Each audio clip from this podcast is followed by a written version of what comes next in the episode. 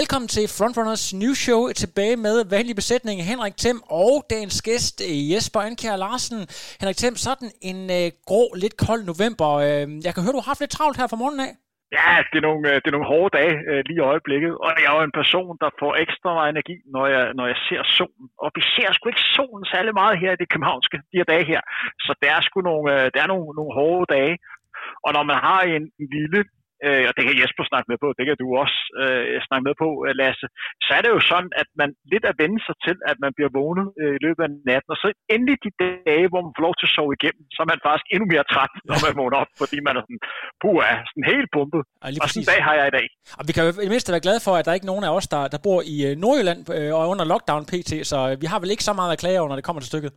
Ej, jeg vil sige, at øh, dem, der bor i Nordjylland, de har det godt nok hårdt i øjeblikket. Det er øh, vores sympati her fra podcasten direkte. Men ved du hvad? Vi skal jo snakke om alle mulige. Vi skal snakke om, øh, vi skal snakke om alder og, og, og øh, relateret til løb. Vi skal snakke om øh, kost og livsstil, og vi skal også forbi Flakkebjerg. Men kan du ikke lige starte med at introducere vores øh, gæst Jesper her? Danmarks bedste løber over 40, kan jeg forstå. Ja, det må man sige. Uh, Jesper Anke, han er jo en løber, der på mange måder minder lidt om en god flaske vin. Den bliver bedre og bedre med årene. Og efterhånden får han også flere og flere børn, men hans niveau bliver bare gradvist bedre og bedre. Og der er ikke nogen, der ved, om han topper her i 2020, eller det første i 2023, han topper. Man kan bare se, at hans øh, progression bare bliver bedre og bedre. Han bliver også en mindre og mindre udgave af sig selv, ja. så det bliver spændende at se, hvad der kommer til at ske i, i fremtiden. Så det er en bestemt en, en stor fornøjelse at endelig have med her i, i Frontrunner udsendelsen. Ja, fantastisk. Og velkommen til dig, Jesper. Du er med på linjen her. Hvordan, øh, ja. hvordan har du, har du været ude at træne fra morgenen af? Uh, ikke fra morgenen af. Det har jeg uh, gjort lidt de andre dage. Jeg regner med at skulle ud lidt senere og bare jogge lidt. Benene er stadigvæk uh, noget ramt ovenpå i søndags. Ja. ja det må jeg sige. Var du ude og, med at, at løbe uh, for, i Flakkebjerg her i søndags? Yes, det var jeg. Kan du ikke lige prøve at afsløre for lytterne her, hvor, hvor hurtigt du, øh, du faktisk formåede at løbe? Jo, jeg løb på øh, 2 timer, 27 minutter og 13 sekunder. Ja, men det er jo simpelthen forrygende, og det er jo lige præcis det, vi skal snakke om nu her. Altså, vi har sådan et cannonball-løb i Flakkebjerg, Vestjylland. Øh, man ved ikke, altså coronasituationen og så videre, bliver det til noget, bliver det ikke til noget? Og så er der alligevel dig og øh, et par stykker andre, der formår at hive nogle vanvittige tider op af hatten hænder. Kan du ikke lige prøve at forklare den mentale præstation i, at man præsterer på en eller anden markvej ude i Vestjylland til et race, som man faktisk ikke rigtig ved øh, ugen før, om det bliver til noget eller ikke bliver til noget. Hvor stor en bedrift det egentlig er med de tider, vi ser 2.16, 2.18 og Jesper her med 2.27? Så jeg vil sige først og fremmest, det kom ikke som den største overraskelse for mig, at Rune Bækgaard, øh, Rune Bækgaard for eksempel var 2.16, eller Meo eller Mark løber lige omkring de her 2.18, eller Jesper øh, præsterer på det niveau, han gør. Det, jeg synes, der er fascinerende her, det er, at man gør det i Flakkebjerg. Ja. I Flakkebjerg. Altså, vi snakker ned i øh, sydvest Sjælland, hvor du kommer til at løbe ude på markerne helt alene alle, der løbet maraton, ved, at det bliver sgu hårdt efter 25-30 km. På det her tidspunkt, der ligger du altså helt alene. Der må ikke være nogen publikum øh, ude på, øh, på ruten, så det er altså en, en mental kamp. Så på den led synes jeg, det er en kæmpe bedrift, at de kan få sådan nogle flotte tider hjem. Det her, det er ikke Berlin øh, maraton, hvor der er tilskuer hele vejen. Nej, her skal du ikke hele tiden at holde øh, fokus. Så det er, det er voldsomt imponerende, de her, de her tider, der bliver, der bliver løbet. Kæmpe respekt for det, og det peger bestemt i en rigtig retning. Det er virkelig interessant. Jesper, det kan være, at du lige kan fortælle os omkring setupet her, fordi der var jo på grund af restriktionerne ikke rigtig mulighed for at få andet end nogle ganske få glimt, man kunne se på Instagram. Prøv lige at tage os ganske kort igennem. Hvordan oplevede du hele setupet her? Som, som, som anderledes, anderledes i forhold til alt, hvad man har prøvet i forhold til, til andre maratonløb. Altså det var, øh, vi var få mennesker, men, men der var sørget godt for os. Der var en, en masse restriktioner og retningslinjer, som vi havde fået at vide på forhånd, at vi, vi skulle mødes derhen og kun forsamle så og så mange der, og så ville vi, vi skulle ned til starten, og vi kunne stille vores ting. Der var, der var super godt styr på logistikken, og der var folk, der øh, var sat til at hjælpe og, og vise vej og så videre, men, men vi var jo få mennesker, altså vi kendte hinanden ret godt, de, de fleste af os, øh, og vi startede i to starter, der var os, der skulle prøve at løbe under 25, og så var der den her gruppe nogenlunde lige så stor, der skulle prøve at løbe under, øh, under 218. Og øh, vi starter så med 5 som mellemrum, og så er det simpelthen bare på sådan et, et, et 5 km ud og, og, og lidt over 5 km tilbage. Det var sådan cirka den rute, vi skulle have løbet til DM, 10 km landevej, øh, vi så ender med at løbe. Og, og det, det var rigtig anderledes, det var det. Øh, især det her med som Henrik også er inde på, det her med, at der, der ikke er nogen tilskuer, der er ikke noget, og jeg lå for eksempel alene fra i hvert fald sidste halvdel, og du er fuldstændig alene med dine tanker. Det var, jeg tror, det var et af de hårdeste mentale maratonløb, jeg har prøvet, fordi jeg kommer ret tidligt i dialog med mig selv om simpelthen at stoppe, fordi det simpelthen, jeg ikke rigtig føler, at det spiller cirka halvvejs, så det, det virkelig hiver op til bare for. Ja. Der er ikke en power zone eller en cheer zone eller noget, du lige kan se frem mod, der kommer. Som ved de andre store bymarathons, du ved, hvis, hvis jeg lige kommer derhen, så får jeg noget ny energi af nogle tilskuere, eller nogen, jeg kender, eller en, en eller anden zone, der, der laver noget energi, alarm og så videre. Det er der bare ikke, der er ingenting. Men din, din sluttid, Jesper, altså 2.27, øh, hvad var din øh, foregående PR? Satte du egentlig personlig rekord? Jeg satte personlig rekord med 35 sekunder. Okay, men det er jo trods alt også var, ret vanvittigt at gøre ja, det på i Vestjylland. Det, det, det er rigtig, rigtig fint, og, og det var kun derfor, jeg, jeg i virkeligheden lidt videre. Jeg havde i virkeligheden flere gange bestemt mig for at stoppe. Det var sådan bare lige, jeg lå og forhandlede med mig selv om, hvor jeg skulle gøre det henne. Ja. Hvor var det smartest at gøre det. Vi kommer jo tilbage til starten nogle gange, så der er det jo en hemmelse at gøre det, og det er fristende at gøre det også, fordi man siger, jeg kan bare stå af her, ikke, så er jeg, hvor jeg skal være. Øhm, jeg, fordi jeg kan fornemme, at tiderne skrider lidt. Den der 2.25, den forsvinder lidt før halvvejs, kan ja. jeg se, den er væk. Øhm, men så kan jeg så godt, så begynder jeg at ligge og regne lidt på det. Jeg får nogle okay kilometer ind, og så kommer der nogle lidt dårligere, nogle okay kilometer igen, og så ligger jeg og regner på, at hvis jeg nu ikke taber alt, alt for meget, så kan det være, at jeg kan nå en PR alligevel. Øh, det er så det, der holder mig kørende. Jeg vil også lige nævne, at jeg tror faktisk, at Jesper, hvis han rammer dagen, så kan han løbe endnu stærkere. Øh, hvis man går ind og kigger på hans andre øh, personlige rekorder, en, en 5.000 meter, der er lige omkring øh, 15 og en 10 km, der også er godt dernede af et halvmarathon, der også er i nærheden af de 1.10. Jeg tror, vi er nærmere på sådan noget 2.24, 2.25, hvis han endelig rammer dagen på, på maraton. Det virker også lidt for mig her, at han måske ikke helt ramte den 100%, fordi så får man en anden fornemmelse undervejs. Så kan man godt leve med, at man ligger og løber alene, fordi så har man så meget flow i, i kroppen, så ud fra det, som Jesper siger her, så tror jeg, der, der er mere at hente. Og så skal der også lige nævnes, at den dag ja, i søndags hvor i løb, altså, jeg ved ikke, hvordan det var i, øh, i, i Slagelse omegn, men i København var det altså fantastisk løbevær. Det var, det var sublim løbevær. Øhm, de her to hurtige gutter, Rune Bækgaard og Martin Ebjerg, også kendt som Meo, er jo på HMRC, ligesom du er, Jesper. Øhm, ja. Kan du lige prøve at, at fortælle dem, de her gutter her, øh, altså var du overrasket over det, de hæver op af hatten?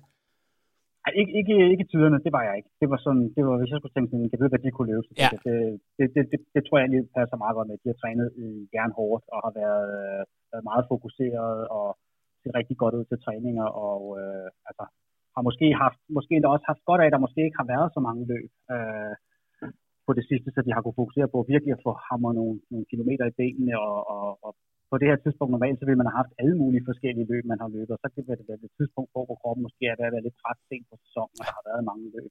Det har der ikke været, så, så de har været i stand til ret hurtigt, tror jeg, at kunne indstille deres kroppe til at skulle, ja, vi endelig begynder sådan ret tæt på det her løb, og når det bliver til noget, jamen, så har de ret hurtigt kunne, tune sig ind på at, at lave de tider der. Det var jeg ikke overrasket over. Det er præcis. Og vi har faktisk været så heldige at have et lille øh, reaktion fra Rune Bækkegaard dagen efter øh, maratonet, hvor øh, jeg fangede ham på en telefonforbindelse, hvor han sad i, i Aarhus og fortalte om øh, hans øh, præstation. Så den kommer lige her, Rune Bækkegaard. Take it away.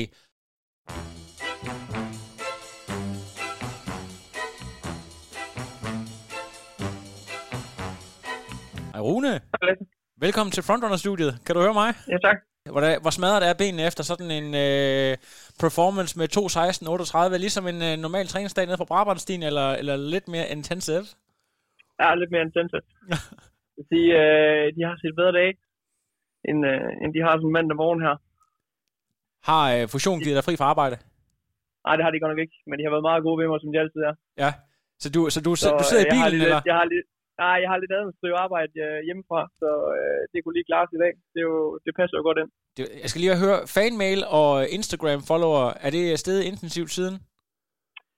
Ja, det kan man godt sige. Ja. Der, øh, der, der, der er sket lidt. Det, det er en lille smule her hen over de sidste 24 timer, kan jeg sige. Ja, det er, det er fantastisk. Lad os lige bare hoppe direkte ned i det. Øh, det var sådan ret spontant, og jeg var selv meget i tvivl om det her race overhovedet blev afviklet. Du skulle have løbet, den helt oprindelige plan var vel, at du skulle tilbage og løbe New York, hvor du løb 2.26 sidste år. Så vælger du simpelthen øh, at, at stille op i Flakkebjerg og løbe de her 2.16.38. Det vil sige, du, du hiver næsten 10 minutter af din personlige rekord. Øh, det, det massive pres, du har været under, øh, for om det overhovedet blev afviklet. Kan du lige prøve at fortælle lidt om det? Jo, altså, øh, det, det går jo helt tilbage fra, da vi skulle løbe øh, DM 10 km øh, landevej den 20. september, hvor at jeg på talt sidder på færgen i Aarhus Havn og er på vej mod Sjælland, hvor at, øh, vi så får at vide, at, øh, at det er aflyst. Øh, og efterfølgende der, der, der, der går der jo lidt rygter om det her maraton her, om det bliver til noget af dig, og, og, og normalt op til et maraton, så vil jeg nok gerne have sådan en tre måneder også spillet op, hvor man har øh, en stor mængde. Øh, men, men det kunne jeg ikke nå. Øh, så, så må jeg sige, vi har kun haft en måneds tid, hvor, at, hvor jeg kunne træne noget maratonfart og, noget, at, at få en større volumen, end, end, end jeg måske har haft øh, før. Så øh, man kan sige, at, at, at, at forberedelserne har bestemt ikke været 100% øh, i forhold til, hvad jeg gerne vil. Øh, men, men som vi så også snakkede om, du skrev til mig i går, at, at, at det kunne måske også godt have været en fordel, fordi jeg gik ind til det her løb med, med sådan en, et andet mindset med, at jamen, det skal nok gå, og, og man kan sige, at Flakkebjerg Marathon, uh, no friends, men, men det, det var lidt en gratis omgang. Ja. Og hvad, hvad mener du helt præcis, når du siger det der med, at det er en gratis omgang? Man kan sige, uh, det er jo noget andet, hvis man var taget på den anden side, uh, på den anden side af jorden, eller, eller bare til USA, hvor at det var oprindeligt, skulle jeg have løbet Chicago i uh, oktober, tror jeg den ligger. Men det er jo selvfølgelig aflyst. Uh, det er klart, at hvis man tager derover, uh, så vil man selvfølgelig gerne performe 100%, når man har taget den lange vej og, og, og, har, og har billedet op til den i, i, øh, i mange måneder. Øh, men den her, det er jo sådan lidt, øh, vi får at vide, jeg tror, vi får at vide fredagen, 10 dage inden løbet, at, at det bliver til noget. Øh, og ellers har vi slet ikke øh, vidst noget, og der kom jo det her forsamlingens øh, forbud på, der blev nedsat til 10, så der, der havde jeg faktisk afskrevet den, fordi jeg tænkte, at det kunne slet ikke lade sig gøre. Men øh, Claus lavede et stort arbejde og fik det hele til at, til at spille, så, så er der også ingen problemer i det. Ja, og med Mink-situationen lige nu, hvor hele Nordjylland er lukket ned, og sådan, jeg tænkte, at øh, det er bare et spørgsmål om tid, før at det kommer til at det trækker længere og længere ned i Jylland. Altså, var, du, øh, var det noget, der påvirkede dig? Ja, det er klart. Altså, jeg kunne godt se på de der kommune, øh, nu, nu er jeg slet ikke sat mig ind i det, fordi at jeg er sat af for længe siden på den her situation, vi står i lige nu. Øh, men du, man kan sige, du arbejder jo i Svendstrup, altså fusion ligger jo i Svendstrup, ikke? Det er jo lige på grænsen. Ja, ja det er lige på grænsen, kan man sige. Øh, det, det, ligger jo selvfølgelig i Aalborg Kommune, og jeg tror, øh, hvis man snakker nedlukninger, så, så havde det sagt med min nok lidt, lidt for stor betydning, øh, hvis man lukkede Aalborg Kommune ned. Det er jo det er lidt noget andet end at lukke, lukke Skagen ned i, i november måned. Ja. Men, i forhold til det der med, at vende tilbage til det, med, du siger med den gratis omgang, man kan jo også se, som du noterede, da vi lige talte kort om det i går, der er ret mange, der udgår. Altså, I var jo faktisk øh, en del, øh, et ret stærkt felt. Øh, det må også fortælle lidt om, at det er ekstremt mentalt hårdt. En ting, det er at løbe en fem all out, en tier, men så et helt maraton ude på en eller anden øh, rundstrækning i øh, Vestjylland, altså. Ja, helt klart det, og det har vi også snakket om forhånd, at, at hvis man selvfølgelig godt kunne se, at det blev noget, noget skidt med tiden, og, og man havde det skidt, og man var oppe i vendepunktet øh, efter 30 km, så, så skal der nok ikke meget til op i hovedet, for at man, man beslutter sig for at gå ud. Det er klart. Øh, det, der er det trods alt lidt sjovere at, at, at løbe i Central Park i, øh, i New York. Ikke? Men jeg tager jeg helt fejl af dig og din mentalitet, Rune? Vi har talt om det før på den anden podcast, øh, Trioraklet, at dit mindset, det der med, at når folk begynder at bakke af, når folk begynder, folk begynder at have det hårdt, så er det der, hvor du trives. Øh, har jeg ret i den analyse? Ja, helt sikkert. Altså, hvis, hvis jeg kan høre folk, der ligger bagved og begynder at puste det, det, det får jeg helt klart et boost af og mental, øh, mental styrke af. Det, det er der slet ingen tvivl om. Og det her med at løbe på en rundstrækning, om det er en 2 km rundstrækning, som vi gjorde i London, øh, eller, eller det er flakkevejr 5 km, eller 10 km, 5 km, hvad man vil, rundstrækning ud hjem, det, det har ingen betydning for mig overhovedet. Det, jeg, det, det lukker jeg bare fuldstændig ned for. Kan du sådan lige prøve at tage os igennem øh, de forskellige stadier? Vi, øh, vi var jo fuldstændig afskåret. Jeg tror lige, der er nogle enkelte billeder af målgangen. Det er selvfølgelig også på grund af det her med sikkerhed. Der kom nogle splits ind, men, men sådan, hvordan du oplever konkurrencen sådan lap for lap, hvis du, hvis du har en, en fornemmelse af det?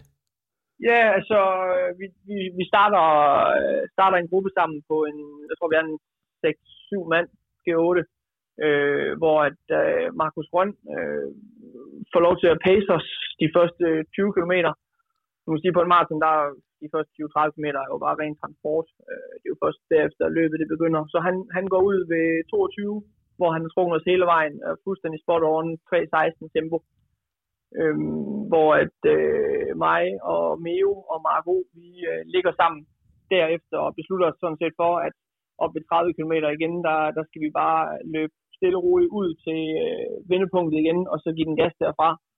Øh, Meo får så lidt problemer med maven, øh, og må bare gå ud på et tidspunkt. Øh, og mig og Mark, vi ligger sammen i 500-600 meter, hvor at, at jeg så kan mærke ved 32, der, der har, jeg har rigtig, rigtig gode ben. Og jeg kan ikke rigtig mærke, at, at jeg har løbet øh, i to timer næsten. Nej, det har jeg ikke helt, men det var det må en time og time 5, time 45, må jeg have løbet der. Ja. Så vil jeg at sætte tempoet op og sætte også i og med igen. Altså, hvis, hvis man ikke... Øh, hvornår skal man så sætte, hvis man ikke kan sætte på et maraton i flakkevejr? Ja. Så, så der, der satte jeg i butikken og, og lukker de sidste 10 km af omkring 31 øh, og så får den der 2, 2.16, 38, som er super tilfreds. Du... Jeg vil sige, jeg havde et mål på forhånd, der hed 2.18, som jeg vil blive glad for. 2, det vil jeg blive rigtig glad for. 2.20 vil jeg også være tilfreds med. Øh, men, men når jeg står om morgenen, og tænker jeg godt nok, at det kunne være super fedt at lave omkring øh, 2.16.30, øh, Det, det vil være helt perfekt. Jeg synes, at det er det, som er meget bemærkelsesværdigt her, det er altså din tidligere rekord hedder som sagt de der 2.26. Du formår altså at hive 10 minutter af. Øh, folk, der følger med på Strava, har jo godt set, at du har været rigtig godt trænende, og du selvfølgelig også har dit, øh, altså du har præsteret rigtig godt til, øh, til bane, eller på banen og så videre, så det er jo ikke en overraskelse på den måde, men at du kommer helt derned og ligger der lige bagved sådan en, en type som Jesper Favreskov, der så selv har været med til, til OL eller sådan nogle ting, det må jo være en fantastisk følelse altså. Ja, helt klart. Altså man kan sige, der var, der, min PR i går var også lidt øh, på en, en billig baggrund. Altså, jeg har ikke løbet særlig mange marathons. Øh, og så ruten i New York er, er ekstremt langsom i forhold til for eksempel Flakkebjerg, eller hvis man tager Chicago eller London. Øh, for det, der er rigtig mange højdemeter øh, i New York. Så jeg vidste godt, at jeg helt klart haft øh, et rigtig godt træningsår og har lagt mange kilometer i det jeg går jo først rigtig 100% en løb efter min, min C-karriere i, i starten af 2019. Øh, så man kan sige, jeg har ikke, og, og det er jo det år, jeg også løber New York, så man kan sige, der har jeg ikke haft særlig mange kilometer øh, i benene. Og jeg tror bare, som vi, så vi også snakket om før, at, at det her med, at jeg 7 i 13 ikke har været skadet i år, øh, og har kunne holde den her store volumen hen over en længere periode, det har bare gjort øh, sindssygt meget for mig. Hvad betyder det så, at træningskammerater, sådan som Meo for eksempel, der også, jeg tror, kommer han ikke ned omkring de der 2-18, at de alligevel er øh, en, en gruppe, der laver så relativt gode tider på sådan en øh, udvidet cannonball-løb? Ja, det, det, det, er lidt ekstremt. Jeg tror ikke rigtigt, det er set andre steder. Nej, det er det nemlig ikke. Det tror jeg heller ikke. Ja. Så, så det, er ret, det er ret ekstremt. Men, men som jeg også sagt før, så, så tror jeg også bare, det her, den her sult med, at man ikke kan komme ud. Fordi øh, det her løb var nok ikke arrangeret, hvis, øh, hvis verden var, øh, var normal, øh, han havde sagt. Og jeg tror også bare, at, at så når folk de endelig har chancen, så, øh, så griber de den sgu også og, og giver det en ordentlig skalle. Og så igen, de har jo haft mulighed for bare at bygge, øh, bygge på, bygge på, bygge på, og ikke det her med at gå ned. Øh, så har man lige et halvmarathon, hvor man gerne vil trappe lidt ned, og så går det lige nogle uger, før man kan trappe lidt op igen. Så, så der går jo hurtigt en måned, hvor at man er sådan i, i race mode, øh, hvor at her der har vi kunnet køre hen over en, en længere periode med, med høj volumen. Det, det tror jeg har givet en, øh, i hvert fald, det har i hvert fald givet mig øh, rigtig, rigtig meget. Det har det. Simon Holbæk, han øh, annoncerede kort før, at han var simpelthen øh, med. Han kunne simpelthen ikke motivere sig selv til at, at stille op til det her maratonløb, som ellers var planen. Så det, det er vel også et eller andet med, at man skal virkelig ville det 110 procent for ikke at øh, bakke ud af, af det her, hvad kan man sige, så sent på sæsonen. Men...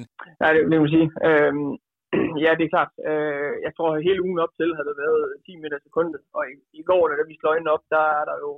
Der går nok koldt. Der er to grader, da vi står op men det, det er lige meget, og der var jo 0 meter i sekundet, ja. der var jo ingen vind, øh, og det er fuldstændig, øh, fuldstændig perfekt. Jeg tror også, øh, altså, man kan sige, der er jo ikke noget tilskuer eller noget som helst, så det var også det her med at sætte sig selv op, og jeg kan sagtens forstå Simon, når han har leveret så vanvittigt resultat, som han gør i, øh, i Polen, at, at han måske ikke lige er motiveret for at komme ud og løbe på en markvej i, øh, i Flakkebjerg. Ja. Det, det kan jeg godt forstå. Okay. Altså, for set på min synsvinkel, eller på min, på min side af, der, der vil jeg rigtig godt have haft øh, Simon og, og Lommer med, ja. så man har en større gruppe, så, øh, så man kunne, kunne gøre noget sammen. Det, så, så tror jeg måske også på, at tiden har været øh, en lille smule hurtigere, og det er, det er faktisk ret sikker på. Hvad, hvad er så næste gameplan? Kan man sige? Nu har du øh, også haft tid til at tale med Claus Hækman om øh, performance og hvad der så øh, kommer derefter. Er der allerede øh, lagt lidt på tegnebrættet? Ja, der, vi, vi har snakket sammen øh, mange gange hen over efteråret her, også efter DM10 øh, var blevet aflyst, og, og hvad vi lige så skulle gøre og sådan noget. Det, det har hele tiden været planen. Jeg, jeg kunne rigtig godt tænke mig at komme med til et mesterskab nu. Ja. Et øh, stort mesterskab. Øh, og man kan sige, øh, VM øh, på Martin ligger nok måske lige til højre ben for mig, hvor at, øh, selvfølgelig skal der arbejdes øh, meget mere, øh, end der er blevet gjort, men, men øh, men det ligger i hvert fald lige så højre ben for mig øh, at komme med til det. det. Det kunne jeg rigtig godt tænke mig. Jeg ved ikke om den der tid, jeg må indrømme det der med sådan øh, 100 sekunder og kvalifikationstider, det er ikke lige mit øh, miljø, men øh, har, du, har du kvalificeret dig til et eller andet øh, med den tid, du laver? Nej, jeg tror ikke, øh, det, det, det, tror jeg ikke, jeg har. Og man kan sige, at jeg skal også ud og bevise det på, på, på en større scene, kan man sige. Altså, øh, jeg håber jo lidt på, formål med det løb her, det var også at få en tid, der var bedre end den, jeg havde før. Så hvis verden er, er lige sådan her næste år, og, og de åbner op måske for mindre felter, måske elitefelter, øh, så har jeg alt andet end, det ser alt andet lige pænere ud med, med 2.16 end 2.26, så er der også lidt større sandsynlighed for, at der, det kunne være interessant for, for arrangører og, og måske at få mig med på det. Michael Johansen, som du måske kender fra AGF, The Training Machine, han fortæller jo, at øh, da han lavede hans utrolige øh, resultat øh, på 1500 meter, der handlede det rigtig meget om det der mindset mellem, at man var en anden type løber, altså man er, man er rykket ind i en ny kategori, ikke mindst op i ens eget hoved. Det der med, at man er en, en 2.16 marathoner frem for en øh, 2.20 marathoner eller en 2.25 marathoner. Har det noget, kan du lige prøve at fortælle dem det? Ja, så nu har jeg ikke så lang tid til at slutte. Det, det ikke er ikke er særlig mange timer siden. Ja. Øhm, men man kan sige, øh, der er jo selvfølgelig en, en verdens forskel på at løbe øh, 2.26 og, og 2.16. Man kan sige, der er jo rigtig mange i Danmark, der, øh, der løber stærkt nu, og, og jeg tror om, om nogle år, der løb 2.20, det, øh, det bliver nok øh, det bliver nok det nye sort, kan man sige. Ja, det er en ny motionsgrænse. Ja, jeg tænker, der, der ligger rigtig mange der omkring, øh, der, der sagtens kan det. Øh, men, men igen, så, så øh, det bliver da spændende at se, hvad, hvad fremtiden bringer, og, og jeg håber da selvfølgelig, at, øh, at, at der er nogen, der, der kigger min vej, når der skal, når der skal udtages lidt til, til nogle store mesterskaber. Det kunne være dejligt i hvert fald. Lige præcis. Altså, var nu, vi startede lige med at nævne arbejdsgiveren. Øh, har du overvejet det der med, at, at hvis der er sådan virkelig, du har, altså talenter har du jo, det kan man, det kan man jo se helt tydeligt, øh, at du, du skal skære en lille smule ned og arbejde på deltid. Har du haft det ind i overvejelserne overhovedet, eller er din arbejds, øh, hvad kan man sige, situation så gunstig, at du sagtens skal have en øh, aktiv elitekarriere samtidig med, at du arbejder? Nej, jeg, altså, det, det, det vil ikke være interessant for mig. Øh, jeg tror, det er meget, meget vigtigt for mig, at jeg har noget, øh, som, som jeg er lige så glad for, øh, som at løbe øh, ved siden af. Det, det giver mig noget, og, og, og tiden, man kan sige, øh, selvfølgelig er positionen fuldstændig fantastisk til at, til at hjælpe mig, og at jeg kan planlægge min, min tid øh, selv. Så øh, hvis en dag jeg, øh, jeg kun kan få det til at passe klokken to, at, øh, at jeg skal træne der, så, så kan jeg gøre det, og så kan jeg arbejde på et andet tidspunkt. Det giver mig øh, en kæmpe stor fleksibilitet øh, til, at, til at kunne gøre det, til, som jeg vil. Øh, så så det, det, det øh, er slet ikke noget, jeg vil eller har i tankerne det, det, er, det er det slet ikke. Det er fantastisk. Tusind tak, Rune Vækkegaard, fordi du lige vil øh, komme med lidt insight om, hvordan det føles at løbe 2.16 og det løse. Og det bliver selvfølgelig klippet ind i den udsendelse, der kommer på torsdag, Rune, så det glæder mig til at ja, dele med dig. Det, det glæder mig også til. Det er godt, Rune. Kan du hilse omkring dig? Ja, tak lige måde. Godt Hej. du. Hej. Vi er tilbage i Frontrunner-studiet, og vi skal til at tale lidt mere om dig, Jesper, fordi løber dig går faktisk mange år tilbage. Hvis man følger lidt på din Instagram, så kan man ja. se, at eremitageløbet er noget, du har løbet siden 87, hvor du startede med din far, så det er jo øh, plus 32 starter. Kan du lige ja. prøve at fortælle lidt mere om øh, øh, hele det her, øh, hvordan løb starter for dig, og dit forhold til netop øh, eremitagen, det her legendariske københavnske maraton, eller motionsløb? Mm. Det, det starter med imitageløbet, ja. altså øh, i 1987, hvor at løb er den der, det er begyndt at blive sådan en, en, en, en lille, et modefænomen, som rigtig mange gør, og en, en del i min fars familie øh, løber det og, og spørger lidt løs ud, om der ikke er flere af familien, der har lyst til at løbe det, og min, bare han, han tilmelder os begge to. Jeg, jeg ved ikke engang, om han, om han spørger mig om det noget for mig. Jeg spillede jo fodbold ligesom alle mulige andre drenge, så var glad for at bevæge mig og, og videre alt det her. Så jeg tænkte det kunne vi godt, og så træner vi jo sådan lidt løst og fast i de her gamle komisko, man nu havde på det her tidspunkt, og så, og så stiller vi op. Og så bliver det sådan bare sådan lidt, det, det ene år tager det andet løb, øh, og man ligesom sådan bare bliver, bliver den tradition, at man mødes ude i dyrehaven sammen med familie og venner. Og, og, og det, bliver, det bliver ligesom bare ved, ikke? Øhm, det, det, det, er ret unikt, og det var, det var kæmpestort dengang, skal, skal man huske at sige, i, i, i de der midt 80'erne, hvor at, det, første, det det år, jeg lå med første år i Superliga. Det var også der, Henrik Jørgensen satte sin, sin rekordtid, der stadigvæk står. Ikke? Og der var, altså, der var deltagerloft på, der var 20.000, der kunne være med, og man stoppede tilmeldingen med 20.000. Og der var 20.000 tilskuere, så det var en helt vanvittigt øh, fænomen. Kæmpe boom i 80'erne. Er der nogen af de her mange, mange starter, der sådan skiller sig ud? Du fortæller, at øh, ja, da, du stadigvæk kan huske løbsrekorden der tilbage i 80'erne, men er, er der andre sådan øh, specielle oplevelser, enten nogen du selv har haft, eller noget du har set eller oplevet, som har sådan printet sig fast? Det, et, et, øh, ja, det er i virkeligheden i forhold til, til, til mange andre løb, man også skal have forhold til, hvor man kigger meget på sådan den, den sportslige præstation, og hvordan klarede jeg mig der, og hvad var min tid, og det var et særligt godt løb, jeg husker. Så det er mere sådan alle de der lidt anderledes figurlige oplevelser, man har, ikke? fordi jeg har løbet det, fra jeg var 10 år, det vil sige, at jeg var en meget, meget lille dreng, jeg var ikke særlig stor, så jeg husker de der de første mange år. Alle de der ben, så alle de der mennesker og de der ben, og det, de første år, jeg løber, der løber jeg sammen med min far. Min største skræk var sådan set at blive væk. Altså, for hvis snakker nu så bliver du væk, så bliver ja. du væk. Altså, vi har jo ikke telefoner, vi havde ikke noget. Hvordan skulle man finde hinanden? Jeg har aldrig været der før. Jamen, jeg det får... mig holde tæt til ham, og der var så mange mennesker over det hele. Jesper, jeg får, jeg får sådan et flashback til ja. Øh, løvenes konge, øh, gnuernes flugt, øh, nedover, hvor Simba forsvinder.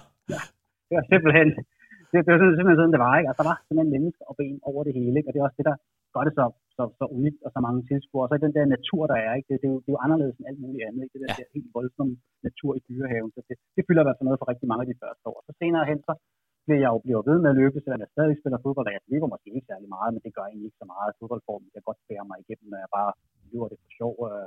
Og så kan jeg huske det sådan, øh, øh, så er det sådan nogle oplevelser som dyrene for eksempel, ikke? Det har altid, det har altid jeg har altid været meget fokuseret på, når man kommer ud og skal løbe op mod etageslottet, hvordan går det nu med de der store krondyr, der er derude, fordi det, det er ikke så få gange, jeg har oplevet, at det faktisk er tæt for at være rigtig, rigtig farligt. Altså, ja. man ikke løber og holder øje med, og den der krondyrsflok, den har tænkt sig at springe ind over stien, så har den altså tænkt sig at springe ind over stien, og den er ligeglad, om de kommer løbende der eller ej. Så jeg har haft sådan nogle virkelig nervepirrende øjeblikke, hvor jeg har måttet løbe mellem grupper af dyr, der hoppede over, for simpelthen at være bange for at blive løbet ned. Altså det, det, det fylder noget, ikke? Og så en ren, ikke, jeg mine bedste tider har jeg ikke, har jeg ikke sådan særlige forhold til. Det har været fint. Det har ikke været det, jeg har tænkt meget over, men jeg har, jeg havde en oplevelse i, i år 2000 eller 2001, tror jeg, hvor jeg sådan for første gang måske oplevede det på en lidt anden måde løbet. Fordi jeg begynder at løbe lidt hurtigere, og jeg kommer til at, jeg, jeg er ikke fordi sluttiden er noget sådan fantastisk i forhold til dag, men jeg løber lige under 50 minutter. Og jeg sådan oplever på de sidste 2-3 km at løbe med nogle andre, hvor vi ikke rigtig har så mange ved siden af os. Det var helt nyt for mig. Jeg var altid det der løb, hvor der bare var mennesker over det hele rundt om en altid. Og så løber vi så det her sidste 2-3 kilometer. På de sidste halvanden kilometer har det ikke rigtig været nogen andre løbere, som der kommer op til os, eller vi har overhalet. Og så lige pludselig så kommer der en løber løbende udenom os. Ud af ingenting, og jeg tænker, hvor fanden kom han fra? Fordi der har været nogen længe, og han er virkelig fart på. Og at høre tilskuerne juble helt vildt, og de råbte, og de råbte, og de var som om, at de kender de alle sammen ham der. Den fan af ham der. Jeg, jeg prøvede at løbe efter ham, for jeg tænkte, det skulle jeg da lige prøve, om jeg kunne følge med. Nu var der så kort tid tilbage. Så jeg lægger mig lige baghjulet på ham, og, og virkelig, og han hammer derud af, jeg ligger lige bag ham, det er hårdt, ikke? og næsten ikke på. Og så finder jeg ud af, at de begynder at råbe hans navn, så alle de der mennesker, så er det Eskil Ebbesen fra Guldfireren. Ja. Det skal lige siges, at i 2000 og 2001 der, der var det jo det kæmpe store, altså det var jo nationalhelte, de der øh, OL-roere, der var, ikke? Altså, og alle råbte på ham, og kendte ham og vidste, hvem han var. Så jeg tænkte, nu hænger du bare på. Og så på det sidste stykke op mod målet, vi kender den der meget stejle stigning til sidst, de sidste 50 meter, de virkelig hårde der, der, han er lidt større end mig fysisk, så jeg kan lige nå udenom ham, og så lige overhælde ham, inden jeg rammer målstregen. Det var, det var, det var ret fedt. Ja, en, en, en fed skalp at få i, i etageslottet. Ja. Forrygende historie. Henrik Tim, øh, kan du ikke lige prøve at forklare os bunderøv her i Jylland, øh, imitagen som fænomen, hvad det egentlig har betydet for dansk motionsløb, og også hvad det har betydet i din elite-karriere, at få den her skalp, hvor vigtigt det egentlig har været? Uha, øh, imitageløbet, det var jo også der, hvor jeg startede min løbekarriere i, i sin tid. Øh, mit første øh, motionsløb var der tilbage i 1993, hvor jeg startede som en af de absolut sidste løber, og kunne nå at se Carsten Jørgensen komme ind og, og vinde det her imitageløb, for jeg var selv blev sendt ud på de her 13,3 km. jeg voksede op med det, øh, med det løb, så på mange måder er min historie identisk med, øh, med Jespers. Jeg er også i dag øh, så heldig og så bæret over at være ambassadør for, øh, for løbet, og de sidste år har jeg har jeg startet øh, løbet, og det har været en stor oplevelse øh, for mig. Det er jo en af øh, verdens ældste øh, motionsløber, med til at skabe hele den her motionsfænomen, som man har herhjemme. Og det var jo et løb, da det var på toppen i 90'erne og 0'erne. Der var det større end i Danmarksmesterskaberne, fordi vi har så mange forskellige Danmarksmesterskaber, så en gang imellem dukker der en løber op, som måske ikke har det højeste sportsniveau, men fordi konkurrencen ikke var så stor på den dag, så kan de få en titel med hjem. Der er aldrig en dårlig løber, som har vundet metageløbet. Så mange år har det været en større bedrift at vinde i metageløbet, og noget, der betyder mere end at blive, øh, blive dansk mester. Så det er et, et løb, som folk rigtig gerne vil vinde. Desværre er det inden for det sidste par år ikke helt haft den, den samme anerkendelse, som det havde i, i 0'erne og 90'erne. Og det tror jeg øh, skyldes, at mange af de løber, som var på toppen på det tidspunkt, var vokset op med løbet og har boet i området, og på den måde få det lidt ind med, med modermælken, hvad det her øh, løb betød. Og for sådan en løber som, som Abdi, som har vundet det øh, mange gange nu her, og står faktisk til at kunne tage løbs, øh, løbsrekorden i antal sejre, jeg tror ikke, den har den samme betydning øh, for ham, som det fx har for Henrik Jørgensen, eller havde for Henrik Jørgensen, eller Dennis Jensen, eller, eller Carsten øh, Jørgensen. De har ikke vokset op med løbet på samme måde. Sådan en løber som Tejs har heller ikke et, et forhold til det. Øh, og der er det noget helt specielt, fordi det, det imitageløb også kan, det er, der har historie. Altså, øh, man kan huske tilbage på den gang, man var ung, og man rendte rundt og hen. Det vækker minder. Det er, det er stærke følelser, der er i spil her. Det, det, det, det er et stort løb. Ja, forrygende. Øh, er der sådan en, en, fra din egen karriere, sådan et golden moment, du lige kan dele med lytterne her, Henrik, øh, som der, der skiller sig ud øh, i din jagt på, på sejren? det har faktisk aldrig lykkedes mig at vinde derude. Jeg tror, jeg blev nummer, nummer to fire gange. Øh, jeg har tabt øh, tre gange til nogle kenianske løber derude, hvor jeg ellers fik slået alle de andre danskere. Så havde jeg et år, det første år, hvor jeg blev nummer to, hvor Dennis Jensen, Dennis Jensen tog røven på mig derude. Altså, øh, vi, ligger, vi ligger samlet efter, efter 8 kilometer, og vi ligger også sammen med en kenianer.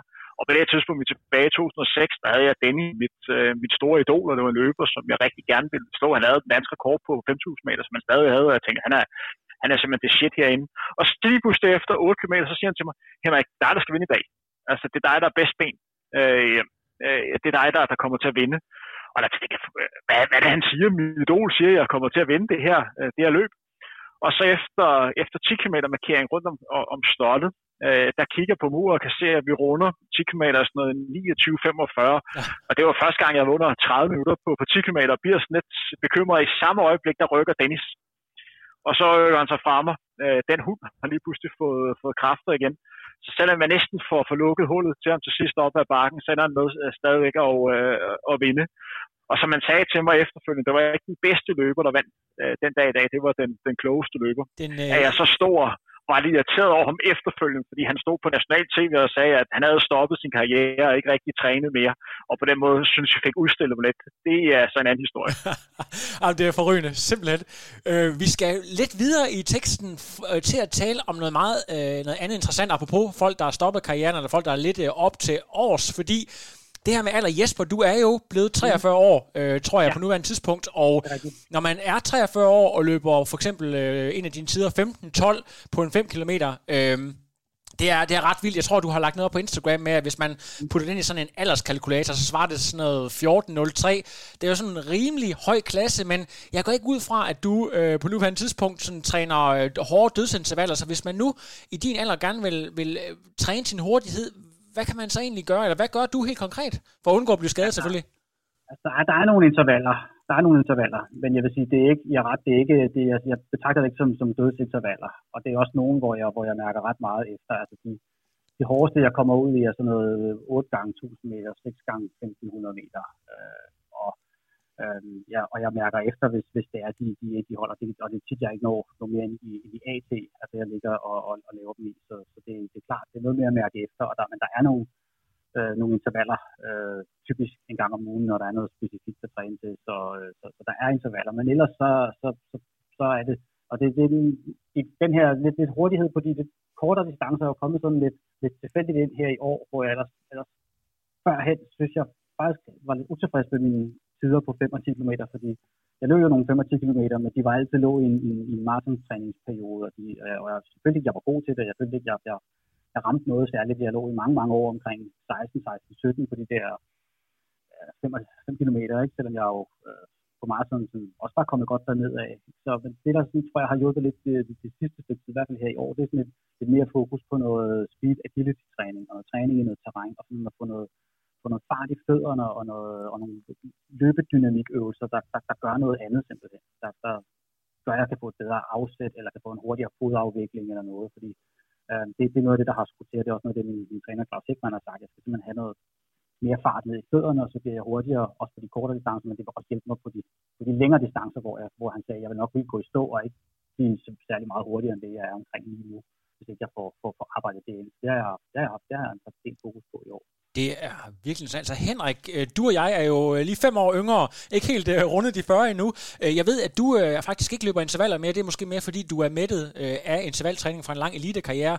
Men hvordan har du egentlig oplevet det der med, når kroppen ældes, det der med at bevare en, en vis fart, og at man sådan skifter en lille smule fokus i træning? Altså jeg vil faktisk sige, at det som Jesper fortæller her er jo meget interessant, fordi man plejer jo normalt at sige, at når man er kommet lidt op i, i alderen, så er det svært at forbedre sig på de, på de kortere distancer, og det sådan er, er udholdenhed, man sådan skal have fokus på. Så det er jo rart at høre, at der er en løber over 40, der stadig kan forbedre sig, og, og se, at, man, at det kan betale sig at lave hurtighedstræning, og det er jo det, som Jesper har gjort og fået stor effekt af. Øh, så det synes jeg er jo en rigtig god historie, at man sådan stadigvæk kan have fokus på det, selvom man er kommet lidt op i alderen. Men der, hvor man bliver udfordret, når man kommer over 40, det er jo ens resolutionstid. Det tager simpelthen længere tid, før man bliver frisk, end da man var i, i starten af 20'erne, hvor man stort set kunne holde til at træne hårdt øh, hele tiden, fordi kroppen simpelthen resulterer så hurtigt. Det hele tager det længere tid, og det er jeg også helt sikker på, hvis vi spørger Jesper om det, at han godt kan mærke, når han har trænet hårdt, så er der også nogle, nogle dage efterfølgende, hvor kroppen lige skal have mulighed for at kunne blive, blive frisk igen. Men det man også skal være opmærksom på, når vi snakker øh, eliteløber, der er jo to alder, man skal have fokus på. Det ene er ens fysiologiske alder, den kan man ikke løbe for, der er jo Jesper øh, 43, og så er der det antal år, man har været i elite-løber, det antal år, man har lavet elite-træning. Og det er også derfor, at man sagtens skal have en løber, der er 5-26 år, som har trænet hård elitetræning i 10-12 år ved at være, være færdig, mens andre løber måske er omkring øh, slut 30'erne, start øh, 40'erne, men stadigvæk kan præstere, fordi de ikke har nået deres træningsmaks endnu. Det er egentlig ret interessant, at her for en uges tid siden, der læste jeg, at der var en, øh, en herre i plus 60-kategorien, der lige har sat verdensrekord på maraton ved at løbe, øh, tror jeg nok, sub 230. Øh, er der nogen af jer, enten dig, Jesper eller Henrik, der har nogen øh, sådan lige på øh, hukommelsen, der har præsteret godt i en øh, usædvanlig høj alder? Er der ikke en, en spanier, der har i M55 løbet 2.27 og 1.11 på halvmarathon her sidste år, tror jeg. Øh, det har jeg i hvert fald, fald, fald hørt om. Ikke? Øh, også en, en tidligere eliteløber, der sådan det bare tror jeg har holdt sig ved lige og været i stand til at, stadig at holde sit høje niveau. Det passer. Det man også skal være opmærksom på, det er jo, at Jesper, hvis du formår at holde dit niveau nu de kommende år, så bliver du bedre og bedre for til år. Ja. Fordi det med, at du bliver et år ældre, så bliver din tid øh, bedre og bedre. Men hvis vi sådan skal tage, altså, tage udgangspunkt i det, og så tage udgangspunkt i den aldersklasse, som, øh, som Jesper i, altså så er der jo sådan en løber som Bernard Laggert for, for USA. Mm. Der er også, hvad han, også 344, øh, og han er en løber, der fik OL-sølv tilbage i år 2000. Og han er altså stadigvæk med af en løber, hvor man kan snakke om, at han kommer til OL øh, næste år. Og det er altså rigtig, rigtig mange år. Han har været på absolut øh, topplan. Så, så, så det er lidt af, en, lidt af en karriere. Han er, har, har løbet under, under 3.30. Han har faktisk verdens næst hurtigste tid nogensinde på 1500 med, med 3.26. Han har løbet under 13 på 5.000 meter, og løbet under 28 på, på 10.000 meter, også løbet og en respektabel maraton øh, tid. Så det er en løber, som har været med på, på høj plan, og sådan en løber som Haile Gebrselassie løb også løb en time på halvmarathon, selvom han var rundet de 40. Jeg tror, han var 41 på det tidspunkt. Herhjemme, der kender man sådan en løber som Jørgen Lavnborg, øh, som jeg også ved, at du er garanteret at kigge på, når du går ind og kigger på danske rekorder. Øh, fordi ja, de danske rekorder på, øh, på 5, 10 og, og halvmarathon er til at slå i den aldersklasse, så lige pludselig så kigger man på Jørgen Navnborgs maratontid, og der står altså 2.13 eller 2.14, og så tænker man, okay, der skal altså arbejdes for at komme derned. øh, men der er også en løber, som, som Peter Trollborg. Jeg lavede en snak med øh, Dennis Jensen, øh, den danske rekordholder på 5.000 meter for nogle uger siden, og han fortalte, at sådan en løber, som han har ligget og trænet en del med, der hedder Peter Trollborg, han i aldersklassen fra 50 til 55, der lå han stadigvæk og løb øh, 15.50 øh, på, på en femmer, og det er altså flot, når man kommer derop. Også en løber, som giver Kalin, øh, som hvad han nærmede sig de 70 nu, da han var også var i starten af 50'erne, lå han også løb øh, omkring de her øh, 16 rent der lige under, så det er, det kan godt lade sig gøre, når man kommer op i den alder, men man skal også holde sig skadesfri, og for nogle af det er en udfordring. Altså, Jesper, er der nogle af de her lidt ældre løbere, du, øh, som Peter Trollborg for eksempel, eller nogle af de andre her, som du er inspireret af, eller er, der, er, er det mere de, de yngre øh, på dit eget hold af HMRC, du, du sparer med eller sammenligner dig med? Nej, det, det, det, det, kan være, det kan være mange forskellige, men jeg, jeg har været inde og kigge på de der ranglister for ligesom at se, hvad, hvad, hvad, hvad, hvad, hvad kan lade sig gøre, og, øh, og hvis, hvis folk har løbet de her de tider, øh, vil det så også være, være, være muligt for mig. Og der, må sige, der, der, der har jeg nærmet mig, mig nogle af dem i den her M40 til 44. Jeg er jo snart nærmest i M45. Jeg har et år tilbage næste år i, i den her M40 øh, aldersklasse. Så der, hvis jeg kan holde mit niveau, så, så vil jeg da kunne måske lave nogle, nogle, nogle rekorder, når jeg, når jeg rammer den. Og der kommer også altså, yngre løbere op øh, i den her M40, og løber virkelig stærkt. Jeg tror også, vi fremadrettet vil se nogen, der løber, løber endnu stærkere end mig, der er, der er over 40 år. Øh, der er jo sådan lidt, det, det er rigtigt, der er sådan lidt forskellige grupper af de her sådan hurtige masters, så der er sådan dem lidt ligesom mig, der er kommet ind i det lidt sent, og så ikke er belastet af mange års hård elitetræning, som jeg tror virkelig må, må sætte sig hårdt på kroppen, og så måske også for nogle vedkommende, det kan være lidt hårdt for motivationen at sidde med at hele tiden præstere mere og mere for bare at holde sine tider. Øh, og så er der de her, der bare sådan, som, som Daniel Lagarde, der kan holde sig i gang hele tiden, og bare blive motiveret og, og, og stadigvæk blive ved, og så stadigvæk ligger på et, på et højt niveau. Jeg har jo været begunstiget af, når jeg så kan blive lidt hurtigere på de korte distancer, og jeg kommer også fra et meget dårligt niveau, når man snakker sådan ren løbeøkonomi. Ikke? Hvis man så man løbe for to, tre, fire år siden, så, så, så ser det faktisk anderledes ud nu, hvor jeg var meget lidt effektiv, og det, det er blevet meget bedre. Og det kommer jo af, at man, man løber meget, og man, altså, jo mere man løber, jo mere kontinuitet man så bliver den også bedre. Jeg havde egentlig troet, at der ikke var noget at hente der, fordi jeg tænkte, at jeg var så gammel, jeg løb på en bestemt måde, det kunne man ikke rigtig, det ville ikke blive anderledes. Men, men det, det kan man sådan set godt. Det, det kan godt, især hvis man kommer fra et, et dårligt niveau, ikke? det kan man godt. Det er fedt.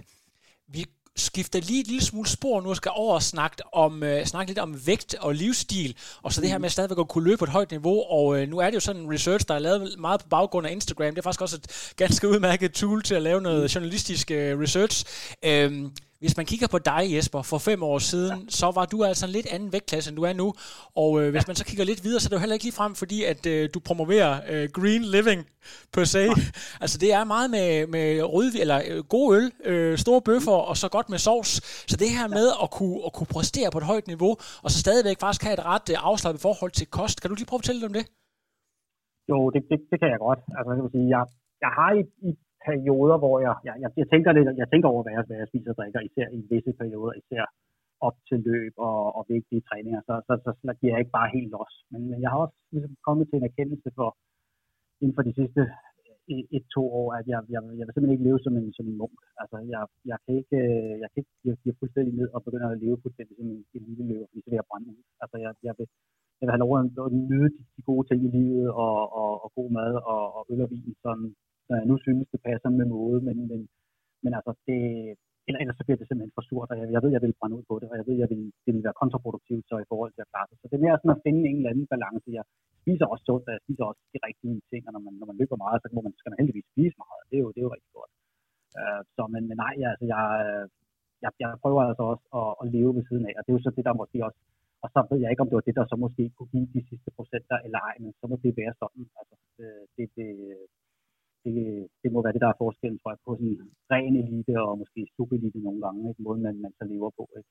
Og det har jeg det egentlig rigtig fint med, og jeg, jeg er mig Jeg havde en periode, hvor jeg godt mærke, at det begyndte at fylde lidt mere, og hvor også det der med vægt begyndte at fylde lidt mere, og lige pludselig sådan, og så, og så efter så tid kunne jeg godt mærke, det, det tror jeg ikke så. Altså, det, tror jeg, så. Det, det, er vigtigt, at øh, det ikke veje for meget i forhold til at løbe, men, men lige frem at, at blive meget fanatisk omkring det, det, det kunne jeg mærke. Det tror jeg, det det, det er virkelig interessant, og derfor så kan jeg godt tænke mig i den forbindelse at spille bolden over til dig, Henrik. Altså, som jeg ser det udefra, mig som ikke er sådan opvokset i løbemiljøet, øh, der er sådan lidt to skoler. Den her, der har sådan en afslappet forhold til Michael, og det er jo en ølklub. Øh, sådan en som Allan Zachariasen, der fortæller, at han godt kunne finde på at, at drikke en hel kasse øl om ugen, eller, eller endnu mere, når han lå i hård træning. Og så Nils Kim, øh, som var altså øh, hård fornægter af al alkohol i konkurrenceperioden. Altså de her to skoler, altså inden for det der med, med det helt fanatisk, sådan munkagtige, og så øh, den her afslut, hvor man, hvor man også øh, skærer lidt ud, samtidig med, at man præsterer på højt niveau? Men man skal jo finde den model, så, som virker øh, for en. Til syvende og sidst, så handler det om, at man er motiveret til at komme ud og træne. Og hvis man lever et liv, hvor man ikke kan finde motivation til at komme ud og træne, øh, så er det jo fuldstændig øh, øh, ligegyldigt. Jeg fandt ud af, øh, da jeg var i, i videløber, jeg tror tilbage i 2007-2008, øh, jeg havde en træner på det tidspunkt, der hed Henrik Larsen, han var meget fokuseret på, øh, at jeg vejede det, det rigtige, og han sagde væk, det, det er fandme vigtigt, hvis du skal øh, præstere. Så jeg fik en øh, kostekspert øh, tilknyttet øh, min træning, så jeg kunne have den rigtige vægt på, på det rigtige tidspunkt. Og jeg fandt ud af, at jeg kunne simpelthen ikke overleve som, som løber, hvis jeg ikke kunne spise det, som jeg havde lyst til. Det dræbte simpelthen min motivation. En til, at man skulle ud og træne benhårdt, men anden ved at sidde. På det her tidspunkt læste jeg på CBS og sidde der øh, i en forelæsning og sidde og spise gulerødder og gurker, fordi man skulle ud og træne øh, senere. At det var sgu for hårdt over tiden, og der må jeg simpelthen sige til ham, at jeg vil løbe rigtig meget, men altså, jeg kan simpelthen ikke overleve som løber, hvis det er den her måde, jeg sådan skal, øh, skal navigere i, sådan rent øh, kostmæssigt. Jeg bliver nødt til at have en lidt mere afslappet øh, tilgang til tingene. Men, men for andre har det jo, har det jo har det virket, og jeg tror ikke, der findes en rigtig øh, model. Fordi man kan jo, man kan jo sige til, øh, altså, til Jesper, her, altså det fungerer jo, han løber jo rigtig stærkt, så på den måde er det jo den, den rigtige model. Men så kan man også stille spørgsmål, hvad, hvad det havde været, hvis han havde fokuseret endnu mere øh, på kosten. Øhm, Henrik, er der noget med, at der er en bestemt anekdote? Måske er det Dennis Jensen, der, øh, der står ved pølseboden og, og spiser øh, to franske hotdogs før et eller andet vigtigt løb, eller er det bare noget, jeg har bildt mig ind? I forhold til folk, der har en lidt besynderlig øh, kost øh, i eliteløber-regi? Øh, historien er, er god nok. Det er så ikke uh, Dennis Jensen, men en af hans træningskammerater, Christian Olsen, uh, der gjorde det. Det var tilbage til dansk mesterskab på 10.000 meter i hvad, 2005. Uh, på det tidspunkt, der skulle der afvikles i, jeg tror det er i, i Blåstød, og Christian Olsen han står inde på hovedbanegården og skal mødes med sin træner der hedder Thomas Noland. Og så øh, to timer før løbet, så mødes de så ind på, på hovedbanegården. Der står øh, Christian Olsen med to franske hotdog i, i hånden, og Thomas Noland han spørger, hvad, hvad fanden laver du, du skal løbe to timer, hvor Christian bare siger, øh, tag nu roligt, jeg skal nok være klar, når det gælder. Og, øh, og løb på Blåsted Stadion, øh, solo øh, 28-48, hvor han smadrer alt og alle, øh, og var tæt på at indhente alle omgang, eller alle løber med, med en omgang. Og det var altså med to franske hotdog i, øh, i mausen. Og jeg tror da også, han, jeg mindst også, at han lige fik en, øh, en kok jo også en halvanden time, to timer før, så det var, det var sindssygt imponerende. Altså, jeg kan også lige nævne, at øh, første gang, jeg debuterede på, på maratondistancen i, i 2011 i, øh, i Berlin, der bor du på sådan et elitehotel, øh, og der havde jeg meget fokus på, hvad de andre løbere øh, spiste. Og jeg kan huske, jeg, der var meget snak om, der var en løber, der hed Patrick McCarlo, skal sætte verdenskort. Øh, så til morgenmad, øh, der lagde jeg mærke til, at han spiste en kæmpe stor chokoladesnegl. Og jeg tænkte, hvordan fanden kan du spise en chokoladesnegl, og skulle løbe maraton her ganske kort tid efter? Øh, det kan du da simpelthen ikke spise det her. Men det gik hverken, hverken mere eller mindre end Patrick McCarrow, han tager verdenskort, han løb øh, 2.03.39. Øh, om det var den chokoladesnegls skyld, det skal jeg ikke kunne svare på, men det var i hvert fald ganske imponerende skal lige høre dig, Jesper. at der, I din øh, løbekarriere, har der været nogle øh, sådan episoder med, med mad, der skal ud, enten noget, du selv har fortæret, eller noget, som nogle af de, dem, du har løbet med eller imod, øh, har kunne sætte til liv, som øh, har enten chokeret eller imponeret dig? Hvad skulle det være? Det, det er nogle gange, kan vi sige, jeg vil sige, mængden af, den, dengang jeg løb mere motionsbaseret, kan jeg da huske, at også i forhold til energiindtag ved maraton, som, som var helt anderledes, det var sådan de der meget, altså meget store, voldsomme mængder morgenmad, man har fået at vide, man skulle tage, og noget som at have, jeg har for eksempel præsteret til Berlin Marathon, tror jeg, i 2005, og have, have ni geler med ud på løb, ja. og få dem alle sammen ind, og det, var, at det var slet ikke nødvendigt. Altså, det var, det var en ting, at løbe rundt med den vægt på sig i sådan et gelbælte, det var helt håbløst. Altså, øh, der, der, der, der, tror jeg, man er blevet, man er blevet klogere i dag. Jeg har da også, tror jeg også hørt nogle af de der anekdoter om helt ældre løber fra 80'erne, der, der, der stå op om natten og spise t og sådan noget, ikke? Altså, hvor man tænker, der, der, der vil der komme et langt stykke nu, ikke? I forhold til, hvad der, hvad der, hvad der virker og hvad der ikke virker. Øh, Første gang, jeg skulle løbe Copenhagen Marathon, der havde jeg fået at vide, at man skulle drikke meget vand. Så jeg tror, jeg drak en 5-6 liter dagen før, hvilket resulterede i, at jeg, øh, jeg var lige ved at tisse i bukserne på vej ind til København Square og tisse 3-4 gange. Så det der med, med gode råd og så videre, det, øh, det kan godt være lidt så om så, når man er helt ny i gamet. Mm. Forrygende. Vi går videre til vores næste punkt. Noget andet med dig, Jesper, det er jo ikke nok med, at du øh, præsterer, som du gør. Øh, du har fire piger, og øh, to af dem, de er altså tvillinger, helt små tvillinger. Ja. Du har også fuldtidsarbejde, så det helt ja. logiske spørgsmål, hvordan får du overhovedet tid til at træne? Ja, det er det, det, det planlægning, struktur og det mulige kunst.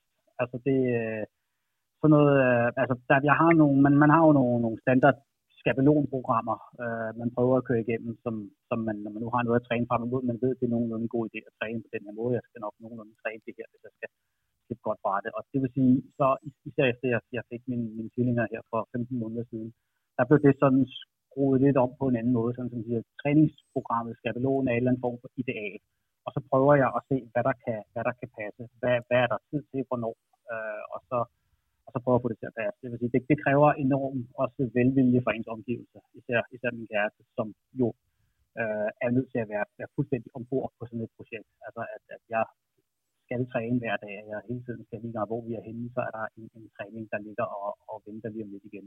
Altså der kan der jo blive meget inspireret af Simon Holbæk, som Holkammerat, som har de her babyjoggerture og, og vanvittige ture rundt om meget få ting, og det praktiserer jeg også selv. Altså det, jeg har fået sådan en dobbelt babyjogger, så nu kan jeg ja. begge børn op i dagen, og så kan de sove, øh, men man ved ikke, om de sover en halv time, eller om de sover to timer. Så det definerer nogle gange mine ture. Øh, og de kan også godt stilles på, på atletikbanen, hvis jeg lige har jogget dem i søvn, så stille den, og så kan jeg jo løbe forbi ja, 400 meter høren, de vågner, og så se, hvor meget jeg kan nå, og så øh, kan det være lidt, det kan være meget, og så, så, det, så det er en måde at, at få træning på. Men ellers så er det jo det, det her med, at hver gang der er et eller andet ledigt øjeblik, det kan lade sig gøre, så prøver for ikke så længe siden med Jesper Favreskov, så har han jo også, han har et arbejde, der ligner mit som, som gymnasielærer, at så har man en fleksibilitet også, hvor man sige, hvis man møder sent, så har man mulighed for at træne om formiddagen. Så, så ved man, at man skal træne om formiddagen, og så kan det være, at man skal træne om aftenen, og, og børnene sover, øh, hvis det kan lade sig gøre, og der ikke er nogen, der er syge, eller man ikke er alene. Og det, det, er sådan, det er med at finde nogle veje ind i det, og, og jeg kan da godt se samlet set, så, og det, det, det der overrasker mig lidt, at jeg så alligevel har forbedret mig på nogle, på nogle, på nogle distancer, det er det her med, at jeg faktisk jeg får ikke helt andet de samme kilometerantal om ugen, som jeg, som jeg har gjort, som jeg synes, jeg burde gøre. Uh, og det må man så prøve at leve med, og det skal man prøve at lade være stress over, tror jeg. Det tror jeg, man skal sidde og tænke i. Jamen, altså, det, og det kan også godt være, at den træning, man havde tænkt sig at løbe, den ikke bliver på samme måde, fordi nu var det med babyjoggeren, ikke? Altså, og, og, så må man få det bedste ud af det, fordi altså, alternativet er ingenting eller ingen træning, så det er stadigvæk bedre. Øh, og så er det noget med at sige, jamen så, hvis der er medvind og et godt asfaltstykke, så kan at jeg kan prøve at få den op i lidt mere fart og få lidt mere ud af det, ikke? End, end, end at bare for den er, det er en tung sag, skulle jeg sige. Ja, det ser, det jeg har godt set på Instagram, det ser jo ikke ud som om, det er en let vægter lige frem. Nej, det er det ikke. Nej. Øhm, vi har, her på Frontrunner har vi agiteret rigtig meget for søvnens betydning, og ja. mange tvillingeforældre taler lige præcis om, at det her med søvn, det er lige præcis et problem, når, når man har to stykker, der sådan måske vågner ja. uafhængigt af hinanden og så videre.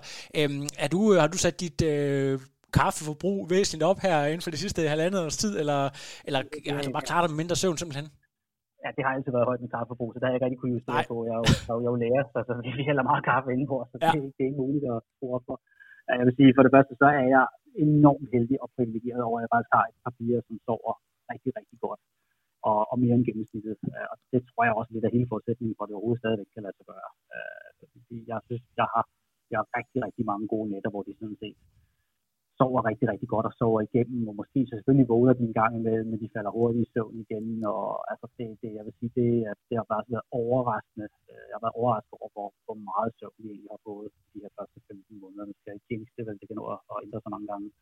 Men jeg synes faktisk, at, og jeg, og jeg så også altså i at have, have haft, jeg har også for store børn, store piger, så jeg er lidt, man er lidt vant til det her med søvn, godt kan justere lidt. Jeg kan godt klare mig med, med 6 timer. Altså jeg ved godt, at det er, nogle gange lige underkanten, men jeg har fundet en måde, at, at det kan fungere på. Jeg står lidt i det dilemma i forhold til det med, med træning og, og søvn og reaktion, for jeg ved, hvor vigtigt det er. Og hvis jeg skal, når, på, på nogle dage skal jeg op klokken 6, øhm, og hvis jeg skal nå en, en morgentræning på de dage, så vil jeg skulle gøre det fra øh, ved at op klokken 5.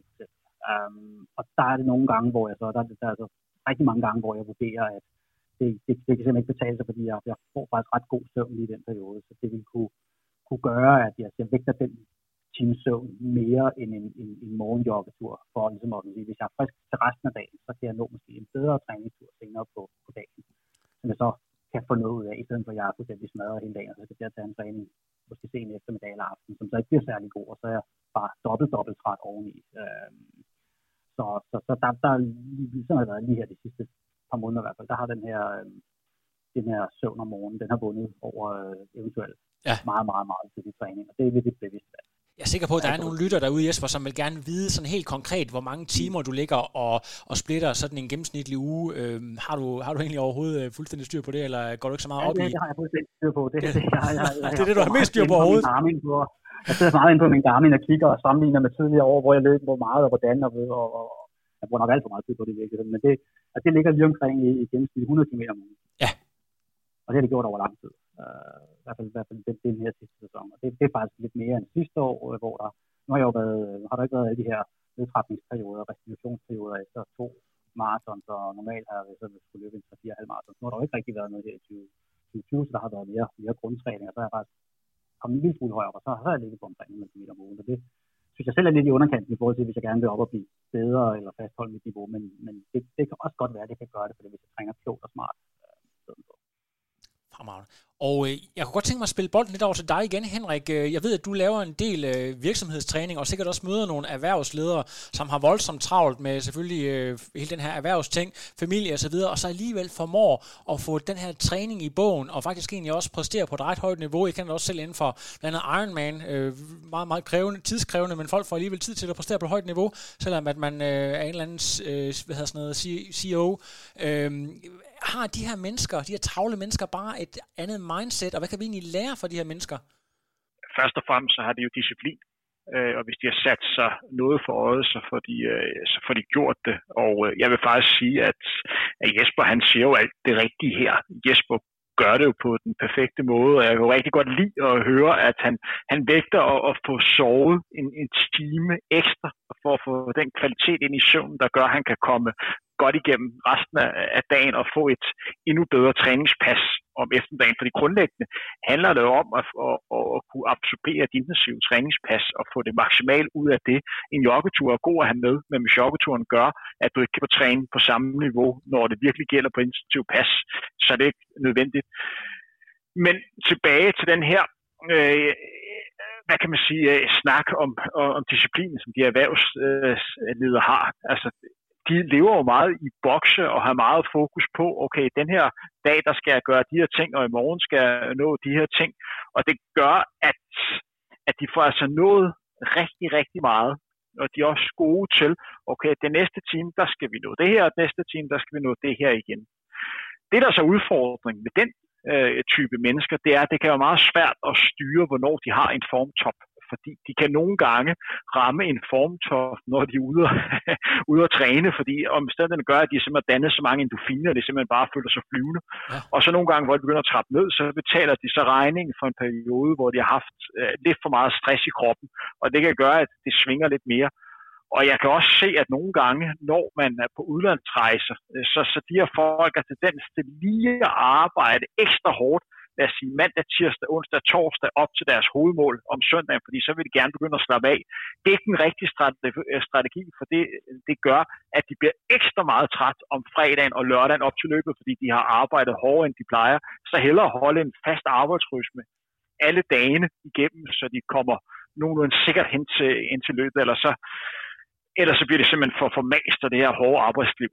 Men der er en, der er en balancegang, men på mange måder kan man godt øh, hvad kan man sige, se op til dem, men vi skal da ikke undervurdere, hvor, hvor vigtigt det er at have resolution øh, i træning. Det er altså det, der skiller forne for bugtene. Det er evnen til at kunne, øh, kunne, kunne slappe af øh, og være klar, når det gælder. Der, vi har været lidt inde omkring det, men bare sådan lige i forhold til rigtig mange, der træner, de vil få dårlig samvittighed naturligt, hvis man springer et træningspas over, fordi man er træt, når man øh, kommer hjem fra arbejde, eller fordi man ikke lige kan komme op om morgenen. Men hvordan finder man lige den der balance imellem, okay, det er faktisk vigtigt, at jeg prioriterer min søvn her og springer træningen over, og så øh, samvittigheden med, at øh, man rent faktisk skal følge en træningsprogram osv. så. Hvor, hvordan ved man, at det er det rigtige valg, man træffer? Øh, at, at, at man faktisk skal sove videre med god samvittighed og prioritere den der søvn? Ja, det er et godt spørgsmål. Det er jeg ikke engang sikker på, at man altid rigtig helt ved. Øh, men jeg tror, den der samvittighed betyder noget. Jeg tror, det betyder noget ikke at øh, få dårligt samvittighed, hvis man springer en træning over. Jeg er selv rigtig dårlig til det. Jeg kan selv finde på at putte nogle, nogle, nogle åndssvage træninger ind øh, klokken meget, meget sent, hvis jeg kan se, at jeg ikke har fået gjort det i løbet af dagen, og sådan, hvor den egentlig er virkningsløs, tror jeg. Men, men, men så har det gjort et eller andet for mig, at jeg gik i, i, i, til ro med samvittigheden på, at jeg fik lige trænet. Det var godt nok kun 25 minutters job, men så kom der lige noget ind øh, på, på Garmin'en, og, sådan, og det, det, det er jeg ikke altid sikker på er en god idé og en god strategi. Øh, så kunne det måske bedre sige, sige den, den prop, vi glemte. Altså, øh, det er svært. Det er jo rigtig svært, og det handler jo om øh, øh, erfaring og, og stole på øh, den proces, man er i gang i. Øh, og øh, jo mere år man har på, på banen, og jo mere rutineret løber man er, jo bedre er man til at kunne, kunne mærke efter kroppen og kunne mærke efter kroppens signaler. Det er også en del af det at være eliteløber og kunne være i stand til at kunne, kunne mærke efter, hvad er det, øh, kroppen siger til en. Og det er også her, man skal være opmærksom på, når det er en periode, som, øh, som vi er i lige nu her. Det er, at jeg tror, at det er de færreste øh, løbere lige nu her, der sidder og tænker, yes mand, det er det fedeste at få løbetøjet på, det er det fedeste at komme ud og løbe. Men hvis man lige fjerner den, og så forholder sig til, hvad er det princippet, kroppen fortæller dig nu her? Vil det være bedre, at du slapper lidt af, eller er det bare den her klassiske, jeg skal lige i gang tendens? Fedt. Vi øh, har simpelthen den sidste øh, punkt på dagens øh, agenda, og øh, det starter øh, lidt utraditionelt med dig, Jesper. Simpelthen, mm. hvis vi lige skal lave konklusionen på det vigtigste løberåd til mænd og kvinder øh, i 40'erne og derover, som øh, stadigvæk drømmer om at løbe stærkt. Hvad er dit bedste råd? Og så kommer det bolden til dig bagefter, Henrik. Jamen, jeg synes, det, det er tålmodighed.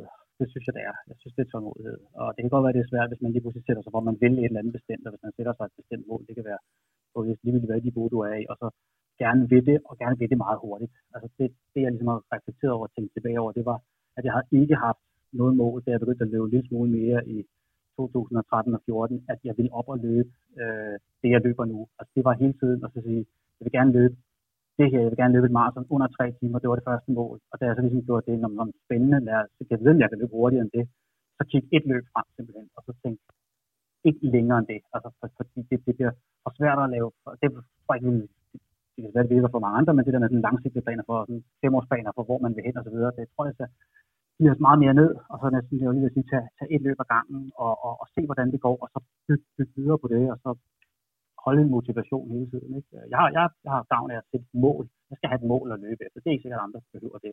Det er meget tidsbaseret også, ikke? Men, men, men det, det, det, virker for mig, fordi så ved jeg, at jeg, jeg kommer i gang. Ikke? Men, men det kan være forskelligt for personer. Interessant. Og Henrik, øh, har du et øh, ugens løberåd klar til lytterne?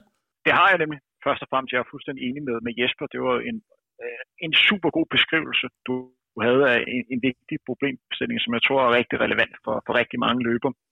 Det, som jeg gerne vil snakke lidt om i, i dag, det er øh, vigtigheden, at, at du kun har ganske få personer omkring dig, som, som du rådgiver dig med. Øh, jeg synes, det er rigtig vigtigt, at hvis man vælger at øh, investere i en, en træner eller en, en behandler, man så vælger og så siger, okay, det er den her træner, jeg, jeg stoler på, er den rigtige for mig. Det er den rigtige person til at gøre mig bedre. Jeg oplever en gang imellem atleter, der, der rådfører sig med lidt for mange personer på én gang. Og det gør, jo flere personer man snakker med, jo flere forskellige svar øh, får man. Jeg siger ikke, der er et svar, der er bedre end det andet, men det forvirrer bare mere, end det gavner. Så det er rigtig vigtigt at finde nogle få personer, og så stole på, hvad de siger. Og det samme er også i forhold til, hvis du bliver, bliver skadet. Det, man skal være opmærksom på, det er jo nogle skader. Der får du øh, forskellige svar, alt afhængig af, hvilken behandler du går til. Vælg en behandler, stol på den behandler, og stol på, han eller hun ved, hvad man øh, gør. Fordi hvis du, jo flere du opsøger, jo mere forvirrende bliver du for den, øh, for den løber, man nu engang er. Så stol på de personer, du har med at gøre. De ved som regel det bedste.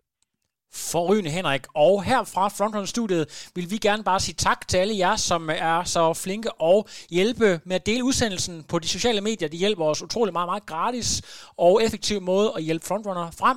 Og udsendelsen her, den kan jo høres på Spotify, SoundCloud og iTunes. Og hvis I alligevel er inde på iTunes, så giv da gerne lige en rating. Fem stjerner bliver vi glade for, eller en anmeldelse. Det er nemlig også noget, der hjælper med at gøre os meget mere synlige. Vi er tilbage på næste torsdag. Until then, stay tuned, folks.